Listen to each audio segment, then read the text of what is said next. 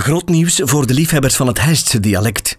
Zowel het originele boek van Ikke en de Sikke als het nieuwe zijn binnenkort verkrijgbaar. Je kan de boeken nu reserveren op ikkeendesikke.be. Dit vertelselke werd ingesproken door Eddy Keulemans. De voet naar Scherpenheuvel. Het was in de ma van 1974. En lak alle normale jonge soort van hest zaten wel toen elke dag in het plankje. We speelden veel op het kasje, want er stond een heel goeie kas die weinig tilt gaf, totdat de candela van colère die linkse vuipoot kapot gestampt heeft, omdat ze een leste bal in de 25 ging in plaats van in de 24, de lumperik. Wel, hij speelde dikjes vijf in lijn, maar de Charles betaalde geen geld, wat ze. Je krijgt wel een aantal pint te goed op zijn boek. Peet Kaven zal hem gedoegd hebben. Gelle hier wat geld komen winnen zeker op het kastje. En dan dat geld gaan opzopen op Baffin of zo. Niks ervan. Maar dat kastje weer op de deur toch een bekken meeg en we gingen iets verzinnen om zo iets anders dan anders te doen. Toen kreeg iemand het onzalige idee om met heel de hoop eens te voet naar Scherpenheuvel te gaan, want dat weer veel gedaan in de ma. Op een nik en een ga waren er 18 stappers bereid om een dure eet te zweren. Te voet hennen en terug, ofwel een bak bier betalen. Op een nacht zijn we dan vertrokken.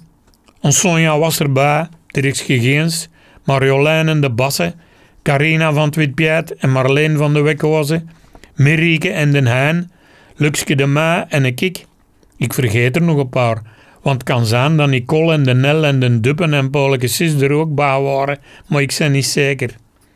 De dikke Theo die reed mee met zijn mini-brommerke, als een soort van bezemwagen. De eerste halte was op het Laar bij de Witte Waffikkers. Dat was een echt boerencafé met een chique aken toog. Als je binnenkwam, zat de Witte links in zijn zetel, met zijn paap en zijn pijstok. De Witte was al diep in de tachtig en die stond meer recht. Je mocht zelf het drinken pakken en geld in de schoof leggen. Daar kwam zelden jong volk over de vloer. En de witte zijn oogstjes begonnen nogal eens te blinken toen dat hem die frisse vrijlee zag binnenkomen. Aha, gij gewoon als scherpenheuvel. Ah wel, wie dat hier mergen terug te voet aankomt, die mag van mij drinken, gaf hem ons nog mee. Wel, stapte vet richting Bisschot en daar sloegen we rechtsaf naar de Eschotse Steeweg. Maar er weer al rap gevraagd van nog eens te stoppen. En ik en Luxke de Maan willen waren dat geslenter meeg en willen besluiten om de groep te verlaten.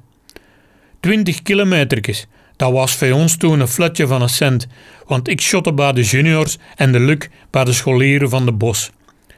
We hebben toen van in Buschot tot aan die basilik gelopen zonder ene keer te stoppen. Ter plaatse zijn we dan maar in de pinten gevlogen en de rest kwam pas uren later binnengedruppeld. Je had toen veel dansings in Scherpenheuvel en het was zeker vier uur s'nachts toen dan we besloten om de terugtocht aan te vatten. Maar wat tochten nee? Wel, kregen natuurlijk niemand niet mee.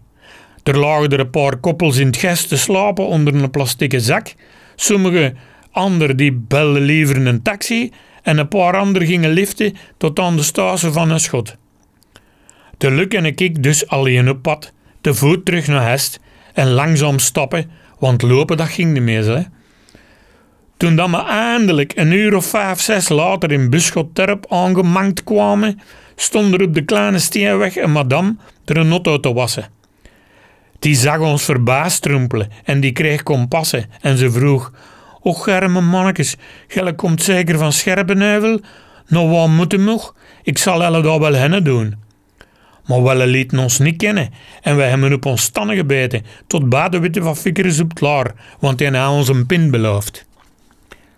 En dat laatste stuk van het laar tot in het pleintje, dat was ook niet van de poes. Stik kapot kwamen we bij Bastaanske binnengevallen. Deze podcast kwam tot stand dankzij Huisdresselaars en Tropical. Volg de podcast op Facebook. Reageren kan je via de website ditishijst.be slash ikke en de of ikkeendesikke.be.